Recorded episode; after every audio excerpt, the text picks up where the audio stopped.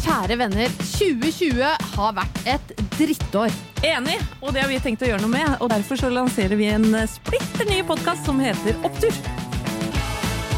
Og Opptur det er jo da deg, Ingeborg Heldal, og meg, Anette Walter, som fant ut at nå var det på tide å gjøre noe hyggelig. Ja, 2020 har vært et forferdelig traurig år eh, så langt. Vi har lyst til å dele små og store oppturer med deg som hører på. Gjøre folk glad, rett og slett. Ja, Henta fra eget liv og samfunnet generelt. Ja. Jeg kan jo f.eks. bare dele ja, fra eget liv en bitte liten ting. Som da jeg kom med en, en måneds forbruk av flasker og bokser.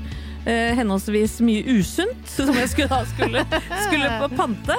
Og så står jeg der i, i 20 minutter og skammer meg, uten heldigvis at panteautomaten piper. Og jeg, for eksempel, som er en lat, eh, bedagelig innegris som helst vil ha to dyner, pledd, eh, kosetøfler og pysj.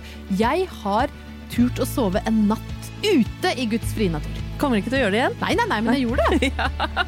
Og så har vi store oppturer, som Camilla Harris, som har blitt valgt inn som uh, ja, verdens første kvinnelige visepresident i Det hvite hus. Kjempeopptur. Ja. Og så vil vi gjerne at alle som hører på, deler sine oppturer med oss, så vi kan spre det glade budskap. Da går du inn på Instagram-kontoen vår som heter Oppturpodden, og så sender du oss en liten melding. Og denne podkasten, som da heter kort og godt Opptur, kan du høre der podkaster høres den 18. november. Da er det verdenspremiere, rett og slett. Opptur!